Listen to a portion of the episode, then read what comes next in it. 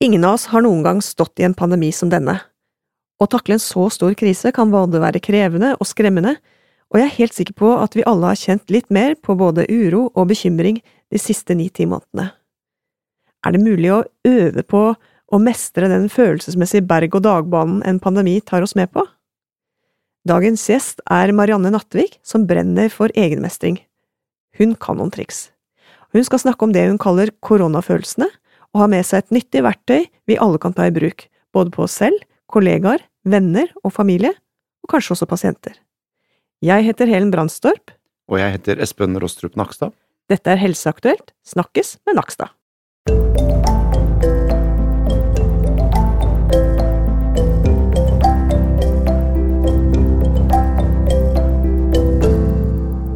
Du Espen, i dag skal vi snakke om stress, og du er jo høyt og lavt og ser like rolig ut, like vennlig i stemmen. Kjenner du noen gang på stress? Ja, jeg kjenner på stress som alle andre, særlig når det blir veldig kort tid til ting. Eh, det gjør jeg, men, eh, men jeg stresser ikke av den grunn. Eh, jeg tenker altså, ting går ikke noe fortere hvis du har dårlig tid ved at du stresser. Men jeg skal innrømme at jeg kan bli, hvis jeg har veldig dårlig tid og skal rekke et fly og ikke finner passet mitt eller et eller annet sånt, da kan jeg bli også litt stressa og få litt puls, men det er ganske sjelden. Har du trent? Har du noe liksom det der med å ikke øke tempo, er det på en måte en bevisst noe du har trent på? Nei, egentlig ikke, men jeg har jobbet mange år på sykehus. Det er stressende. Jeg har ledet hjertestansteam og mange andre ting, og det er klart, eh, da hjelper det ikke å bli stressa. Mm. Tvert imot. Det hjelper ofte å ta et, stikk, et skritt bakover og få oversikt og, og, tenke to tanker. Så jeg vet ikke, jeg har egentlig aldri fundert så mye over det, enn at jeg har bare gjort det på den måten. Mm. Ja, jeg gjør det omvendt. Jeg øker tempoet, og det er ikke lurt, så jeg må, tror jeg må trene på det der, bevisst. Vi har jo med oss en gjest i dag, Marianne Nattvik, som til vanlig er fastlege, men som nå jobber på feberpoliklinikk på Grünerløkka. Det er jo pandemi. Velkommen, Marianne. Tusen takk. Ikke bare er det fastlege og jobber på feberklinikk, men jeg følger i hvert fall deg på Facebook på det som heter egenmestring. Eh, hvorfor er egenmestring så viktig for deg? Vel, for meg så begynte det vel egentlig med at jeg syns over mange år som fastlege at jeg har delt ut mange sånne Post-It-lapper hvor jeg har sagt eh, her er tips om en bok, eller har du hørt denne podkasten? Litt sånn avhengig av hva pasienten tok opp med meg, så hadde jeg kanskje noe inspirasjon jeg håpet kunne hjelpe dem videre. Og så rundt sånn, ja, rundt jul i fjor så var jeg litt sånn åh, men kanskje jeg bare skulle samle dette på en Facebook-side, Instagram-konto, og kunne vi henvise pasienten dit, og så kanskje det var noen flere som ville Jeg ville nå frem til flere, da. Så det var sånn det begynte. Eh, og så syns jeg dette her har vært så gøy, så jeg har faktisk tatt meg permisjon fra fastlegerollen min, og er ikke fastlege per i dag. Jeg har eh, en vikar som sitter og gjør en eh, fin jobb for meg. Men jeg driver litt med egenmestring og har veldig lyst til å jobbe videre med helseformidling. Holde foredrag i bedrifter og inspirere, da. Mm. Mm Det er jo kjempespennende at du kommer fra en fastlegebakgrunn og tar med det. Jeg skjønner deg veldig godt. For det er veldig mye fastlegepraksis som handler om, om egenmestring, mestring av livet, på en måte. Ja, jeg syns um, denne kontoen min Tidvis kan man jo føle litt på at man som lege, da, og alt skal være sånn evidence-based medisin, og man kan føle at det kan bli litt lett, men samtidig så tror jeg det er dette vi fastleger gjør veldig mye av. Vi sitter på kontoret, lytter og motiverer og heier. Mm. Uh, og det er jo det egenmestring driver med. Og så vil jeg jo si at jeg også ønsker Jeg er veldig opptatt av kvinnehelse, så jeg har litt sånn ekstra løft på det. Og jeg ønsker at vi Jeg tror at det vi kan litt mer om, det håndterer vi bedre. Og hvis vi har noen verktøy å ta med oss inn i Nå snakker vi jo om stress, ikke sant? Mm. Uh, eller, eller travle perioder, eller den saks skyld overgangsalderen som et annet eksempel. Kan vi noe om ting, så takler vi perioden bedre, og det er det jeg har lyst til å prøve å bidra med, da, med egenmestring. Hmm. Kan noe om det, en annet ord for bevisstgjøring, mm. men også bygge kompetanse og hmm. forståelse. Helt enig, og aksept. Mm. Aksept, ja. Hmm. Kjempefint. Det er interessant, eh, fordi for ikke så mange uker siden så var jeg et møte med noen studentorganisasjoner. Snakket om dette med ensomhet eh, blant studenter, blant annet, og mestring der. Og da slo det meg liksom at jeg vet studentene at de er i en ganske sårbar alder, egentlig sånn uh, biologisk sett. Altså, det er noe annet å være 20 år, nettopp blitt voksen, uh, flyttet til et nytt sted, uh, i forhold til de som har blitt 40 og 50 år og på en måte sitter tryggere i en livssituasjon de kjenner godt. Sånn at da tenkte jeg liksom, ja, bør vi fortelle folk mer, som du sier, jo mer kunnskap du har om ting, eh, jo lettere blir det å forholde seg til det og bruke det også. Eh, og det skal kanskje ikke så mye til. Ja, jeg er jo opptatt av at vi um, At det er sånn balansegang på nå. Når jeg merker det noen ganger når jeg lager en post på egenmestring, hvordan jeg nå er du stressa nå, nå er du stressa nå, nå er du stressa nå. Men se her, her har jeg noen verktøy. Det er jo ikke meningen, ikke sant. Så det er vel mer at man må ha Man må nok kanskje ha erkjent det selv. Jeg vet ikke om jeg har så um, Det å fortelle eller å bevisstgjøre at man må ta ekstra vare på seg selv, er jeg med på. Uh, absolutt, altså. Um, sårbarheten man kjenner på, kan vel også være litt individuell. Uh, hvor som helst i livet, egentlig. Uh, det er jo noen, jeg, jeg, ser også for meg det at å være student nå er ganske tøft. Å komme og ikke ha fått en ordentlig oppstart i studiet, ikke få møte hverandre. Ting skjer utrolig mye bare hjemme. Jeg håper at det er en studieorganisering der som på en måte løfter det for dem, da, og hjelper dem til å hjelpe hverandre. Ja, nei, Vi diskuterer i hvert fall mye det i Helsedirektoratet og med ulike etater og organisasjoner, akkurat disse tingene. Mm. Fordi vi vet jo at disse tiltakene nå, de rammer mange. Mange er ensomme, og, ja. og nå går vi inn i en tøff høst og vinter. Eh, og har stått lenge i en pandemi, så det er klart dette er jo viktige ting. Mm. Og det er flere som uh, jobber slik som du gjør også, Marianne. Jeg har, jeg har gått på kurs hos Katrine Aspaas og ja. lært om å si for eksempel det er ikke så rart at det er det naturlig at. Det ja. er ganske vanlig at. Ikke sant? Ja. Det er sånn menneskeliggjøring, at vi blir et fellesskap rundt ting når vi begynner å snakke sånn. Det er ikke bare jeg som kjenner dette. Mm. Flere, òg. og det er jo jeg utrolig opptatt av at vi deler. Katrine Aspaas er jo veldig inspirert av hun Brené Brown, mm. forsker i USA, som jeg hun er min, min store forbilde om dagen. Veldig, jeg blir inspirert hver gang hun åpner munnen. Hun har også en veldig flott eh, podkast som heter Unlocking Us. Men hun eh, der er, jo, der er, de jo opptatt av at den sårbarheten vi har, egentlig kan være styrken vår. At hvis vi har lyst til å åpne oss, eller hvis vi klarer å åpne oss for noen andre, så veldig ofte så opplever man en empati tilbake som inneholder en tilhørighet. At man, hvis jeg sier at dette syns jeg er vanskelig, så sier du at det syns jeg også, og så blir det et fellesskap i dette her. Og det, den sårbarhetens styrke ligger i det at man lager en sterkere relasjon mellom oss, som jeg syns er viktig, da. Og jeg er jo utrolig opptatt av det at man Alle de som sitter på hjemmekontor, klarer å si til lederen sin at åh, nå er det vanskelig, og så kan lederen har det sikkert litt vanskelig, lederen nå, så kanskje kan man dele litt, og så kan man prøve å hjelpe hverandre sammen. Og så har det noe ved å liksom si fra ting som kan være litt utfordrende, så kanskje senker man kravene til hverandre litt også, da. At det blir en mer raushet i det. Jeg har tenkt, nå er vi i krisen sammen. Alle. Absolutt alle er rammet av dette. Og hvis jeg føler det slik eller sånn, eller har problemer med slik eller sånn, så er det antageligvis veldig mange andre som har det akkurat likt. Ja. Og premissene er så like. Og du har jo eh, noe som du snakker om som heter koronafølelser. Ja, altså jeg syns jo disse koronafølelsene kan ligne litt på stressfølelser, så jeg setter jo det litt i hverandre. Men når vi opplever at vi har eh, manglende kontroll og uforutsigbarhet, da aktiveres vi veldig. Og det, den aktiveringen som skjer i oss da, den gjør at man da kan få lettere for å begynne å stresse, da, kan vi si det sånn. Um, og da, hvis man i tillegg også på toppen av det Eh, får en annerledes arbeidssituasjon, og etter hvert kanskje også opplever at man ikke mestrer. Da har man liksom full pott. Manglende kontroll, uforutsigbarhet. Man ser liksom ikke noe ende på dette her, og ikke mestrer. Da det lager mye uro i oss, da. Og den aktiveringen over tid blir som en sånn stressaktivering. Eh, og jeg er jo jeg ser liksom at det kan vi tåle en stund. Det ser vi jo alle. at Vi, vi, vi pustet litt ut i sommer etter den eh, aktiveringen, hva skal man kalle det, som vi hadde det i, i våres. Men nå, nå, er det liksom som at det bare det øker og øker, og vi ser liksom ikke helt hvor vi, hvor vi kan lande. Og vi trodde vi endelig skulle få komme tilbake på jobben, og så nei, nå ble vi satt tilbake på hjemmekontoret. Um, så jeg tenker at nå er vi De koronafølelsene er litt sånn stressrelaterte, da. Mm. Mm. Jeg syns det er interessant det du sier med usikkerhet også, fordi det å leve med usikkerhet, og lære seg å leve med usikkerhet, det er noe som mange ikke er så veldig vant til. Altså I legeyrket så er man jo det. ikke sant? Mm. Man lever med en usikkerhet, eh, ting er ikke helt sikkert. Eh, man går hjem fra jobb på et sykehus og vet ikke helt åssen det gikk med den pasienten du, du sto med som var veldig dårlig. Mm. ikke sant? Så, eh, så, da lærer man seg å leve litt med usikkerhet, men hvis det blir usikkerhet både på jobb og på hjemmefronten og økonomisk og på veldig mange måter, så blir det jo veldig, veldig belastende etter hvert. Ja, det er sant. Det er, det er, jo på alle arenaer akkurat nå. Mm. Det er jo sånn at jeg til og med driver og tenker å, nå kunne jeg tatt trikken, nei, jeg har ikke munnbind, da kan jeg ikke gå på trikken, nei, da må jeg gå, så må jeg gå litt fortere. Altså, det er så mange små ting da som gjør at vi liksom tempoet i livet blir, kan bli litt annerledes. Men jeg syns det er et poeng å si også at eh, det å ha hjemmekontor er det jo mange som syns har vært fint også. At vi liksom ikke bare må snakke det ned, da. Mm. Jeg har jo som fastlege sittet mange ganger og skulle ønske at jeg kunne tilrettelegge i en sykemeldingsprosess ved å gi pasienten hjemmekontor, hvor arbeidsgiver har sagt at Nei, hvis hun får det, da må vi gi det til alle de andre, og da blir det ingen som kommer på jobb, og da blir det kaos her. Uh, og nå ser vi hvor godt det fungerer med dette hjemmekontoret for mange. Mm. Så vi får Det blir gjort mye bra jobb fra hjemmekontor, men at vi skal være obs på hva det gjør med oss, og også litt når man sitter på hjemmekontoret.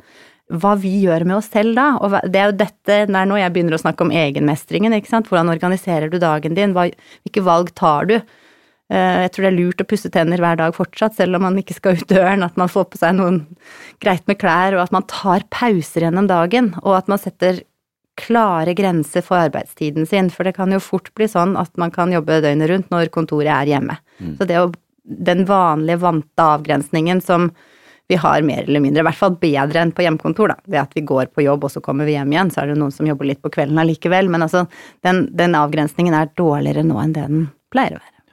Men eh, denne dagsrutinen da på hjemmekontoret har jo kanskje blitt bedre av disse digitale møtene, da.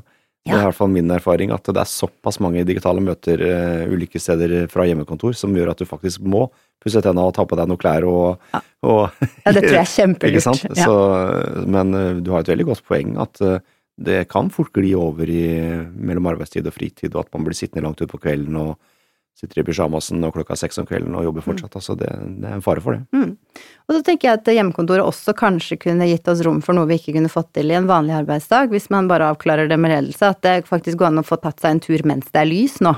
Eh, ikke sant? Vanligvis så jobber vi, er vi på jobb hele tiden i dagslyset, og så går vi hjem i mørket igjen. Så her, det er det Det å bare bli litt bevisst på mulighetene man har også i dette her, tror jeg kan være et, eh, et godt råd, da. Mm. Vi har tidligere snakket om vaner i denne podkasten, og du har også skrevet om det nylig, og jeg er veldig opptatt av det som du kanskje kaller en dagsrytme, eller det du beskrev som en dagsrytme, da. Mm. Eh, og vaner, det gjør at hjernen hviler, ikke sant, for da slipper den å tenke så mye. Men når vi plutselig ikke kan ta trikken, som vi ville ha gjort uten å tenke så mye, ja, da sliter hjernen litt. Når ja. vi lurer på skal vi ha munnbind på eller ikke, da sliter hjernen litt. Så det å hvile i vaner og rytmer tror jeg det er viktig å prøve å få på plass, ja. Mm, helt enig. Vi vil jo helst gå på autopilot. Eh, altså Hjernen vil helst gå på autopilot, og alt som, som, ikke kan gå på autopilot, det blir jo litt slitsomt. Så det er et godt poeng. Marianne, jeg har, jeg har jo sett at du, du snakker om, eh, om noen grønne og gule, oransje og rød sone. Så den turen på dagen, er det en sånn grønn sone? Ja, det er å komme seg inn i grønn sone, som jeg kaller det. Dette her eh, du nevner nå, det er et sånt stressbarometer som jeg absolutt ikke har funnet på selv. Dette her bruker de i Forsvaret og er godt etablert rundt om. Men, men eh, jeg syns det er en sånn fint Det lager et språk, og for meg så har det blitt en litt sånn bevisstgjøring, da. Eh, hvis man Hvis jeg skal prøve å beskrive sonene, så er det i den grønne sonen, der har vi det bra. Der er vi uthvilte, vi har spist og sovet nok, vi er sammen med mennesker som gjør oss glad, og vi er sammen Eller vi, gjør ting som gjør, gjør oss glad, da her, det er liksom ladestasjonen vår. Og så i den gule sonen, da er vi Det er arbeidssonen vår. Og der er vi litt på. Når vi skal jobbe, så må vi få et fokus. Vi kan ikke liksom da være helt laidback, da må vi liksom gire oss opp litt, og vi aktiveres. Og det tenker jeg at dette er et positivt stress. Jeg syns ordet stress det er, liksom, det er liksom negativt ladet, men i denne sammenhengen her nå så er det det positive stresset gjør at vi mestrer, og det motiverer oss, og det pusher oss til å liksom få til de tingene vi vil, da. Og der kan vi være en stund i denne gule sonen, men så er det veldig lurt da å gjøre noe som gjør at man kommer tilbake i den grønne sonen. Altså blir liksom bevisst. Og det er jo sånn vanligvis rytmen i livet vårt er, ikke sant. Vi er på jobb, og så går vi hjem og hviler og spiser og er sammen med de vi er glad i og får sovet og henter oss inn som vi trenger. Ehm, og så er det jo sånn at i perioder av livet så vil det kanskje være mer jobb, at man holder seg lenger i denne gule sonen, og da begynner man å nærme seg kanskje det vi kaller den oransje sonen, hvor vi har da stått på, eh, og kanskje fordi oppgavene er mer krevende, eh, at det er liksom mye jobb, og det er da jeg liksom begynner å blande inn denne stress-koronafølelse-tankegangen, da. Når vi får ut forutsigbarhet, manglende kontroll og manglende mestring, da kommer vi fort over i denne oransje sonen. Og det er nok kanskje det jeg tror at koronatiden gjør litt med oss. Og da er det ekstra obs hvis vi er, har vært der en stund og blir bevisst på hvilke verktøy vi kan bruke for å få litt mer grønt inn i hverdagen vår, og prøve å komme oss inn i det grønne, sånn at vi mer kan sjonglere mellom det gule og det grønne. Vi trenger egentlig ikke så mye mer. Um, I den oransje sonen, hvis man blir der og liksom ikke klarer å komme seg tilbake, og det begynner å bli vanskeligere å gjøre også, at man begynner å ta etter hvert dårlige valg for seg selv, og begynner å slite med å prioritere, alt blir like viktig, man får liksom ikke hodet over vann på noen områder, og mister litt kontrollen, og både konsentrasjonen og hukommelsen kan bli vanskelig også. Eh, og hvis man da i tillegg, for det skjer for veldig mange da, at man sliter med å sove også, og søvn er jo så viktig for å komme inn i grønn sone, da bare spinner det. Og da er det vi snakker om at man kan være der at man kommer inn i den røde sonen. Og i den røde sonen, da er det ofte sykdom knyttet til dette, da, da må man ha hjelp, oftest for å klare å hente seg inn igjen. Kanskje noe man vil kunne kalt en utmattelse, eller ja. Det, det er sånn som mange sikkert har tenkt eh, opp gjennom livet, at eh, når det blir så mye jobb eller så mye skole eller eksamen eller et eller annet at du sliter med å få sove. Du ligger liksom og tenker på alt det du skulle gjort, eller det mm. du ikke rakk. Mm. Det er et faresignal, altså. Mm. Det, men da er det vanskelig også å bryte det. Fryktelig vanskelig. Ja. Eh, men eh, har man vært gjennom det noen ganger, så har man kanskje lært seg å, å se det røde flagget litt tidligere. Muligens. Ja, og vi lærer oss jo noe, ikke sant. Og jeg syns jo det som er litt sånn kult med dette denne måten å snakke på. For meg så har det blitt et språk. Jeg holder foredrag hvor jeg snakker om stressmestring, og når jeg da går, så sier vi ja, ok, ha det bra, og hva skal dere i helgen, da? Nei, vi må vel se å komme oss inn i den grønne sonen, da. Så det er så lett å ta opp en sånn tankegang på at ok, det er noe, hva bruker jeg tiden min til? Jo, jeg må det er gøy å være på jobb, eller det kan være krevende å være på jobb, eh, og da når jeg har brukt meg selv der, så må jeg lade. Nemlig. Og du sa i starten av det her at sårbarhet er en styrke, altså vi må anerkjenne at mm. vi er sårbare alle sammen, ja. ikke sant? Så det gjør at vi kan forstå at nå er jeg på vei over i oransje sone, ja, eller kanskje rød, et eller annet sånt noe. Sårbare er vi alle sammen, og styrken ved å erkjenne egen sårbarhet er at man kan gjøre noe med det. Hvis ikke du erkjenner din egen sårbarhet, så er du ille ute, på en måte. Ja, da, da, det er svakhet. Hvis du fortrenger Eh, og ikke bare egen, men andres også. Ja, jeg er helt enig. Mm. Og det å se at vi kan ha gjort noe feil, at ikke vi skal være så redd for å, for å erkjenne feilene våre, for feil er jo Jeg tenker at feil ikke er nederlag, da. Feil er jo en mulighet til å se at nå lærte vi noe nytt.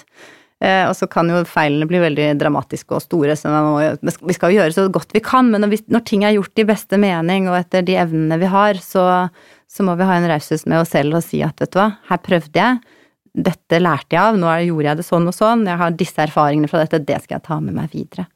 Det er veldig bra. Jeg har lyst til å si, vi må nærme oss slutten nå, dette med raushet overfor seg selv, det er kjempeviktig. Og du, nå har vi snakket mye om oss selv, og håndtere oss selv, men vi er jo alltid i samspill med andre.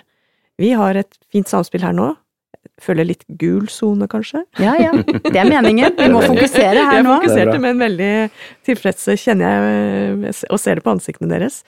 Eh, så nå spiller vi hverandre gode.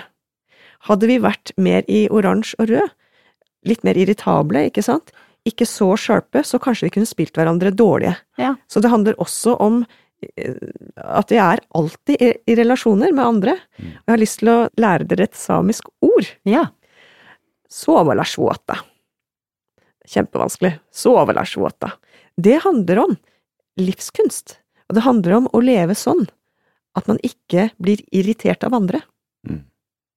Altså, jeg skal på en måte være i min, så mye jeg kan, da, i en grønn sone hvor jeg har ro og fred, ikke er stressa, sånn at hvis noen gjør noe, så er jeg raus, så lar jeg meg ikke irritere så mye. Det kan jeg love, det har jeg jobba med i denne krisen. ja. og det er nok litt sånn som du sier, at kommer du inn i denne oransje eller mot rød sone, så blir, kommer også noen forsvarsmekanismer inn. Så hvis da folk ber deg om en tjeneste eller liksom skal deg til å gjøre enda noe mer, så, så, kommer det noen pigger ut ofte. Mm. Så det er klart, det har vi alle sammen kjent på. Det, men da er det jo viktig også å være klar over jeg håper å si, hvilken sone de andre er i, da. ikke sant? Ja. Altså hvis, Å være litt obs på at en kollega faktisk har veldig mye å gjøre, da. Eller er, har eh, en litt krevende situasjon. Det er jo veldig viktig både som leder og, og kollega å tenke på. Mm. Og så syns jeg det du gjør, Espen, ved at det du snakket om helt til å begynne med, med å gi deg selv Du skaper tid når du får en oppgave, at du på en måte klarer å trekke pusten og trekke deg litt ut av det som skjedde, og så ok, nå er jeg klar. Det er fantastisk godt verktøy å bruke for å ikke aktivere seg selv for mye. Ikke sant?